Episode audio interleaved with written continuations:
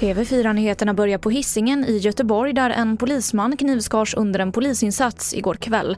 Hans skador ska vara allvarliga men inte livshotande. En man i 20-årsåldern greps på platsen och brottet rubriceras som försök till mord. Så till Gnesta där ett stort område har spärrats av på grund av explosionsrisk då en brand spridit sig från ett soprum till ett garage där det ska finnas gasflaskor. 20 över 4 i morse så var branden fullt utvecklad.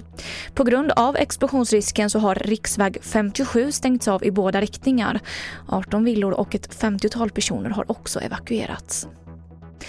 Det finns ännu inga tecken på att den nya mutationen av coronaviruset som upptäckts i Storbritannien har spridit sig till Sverige.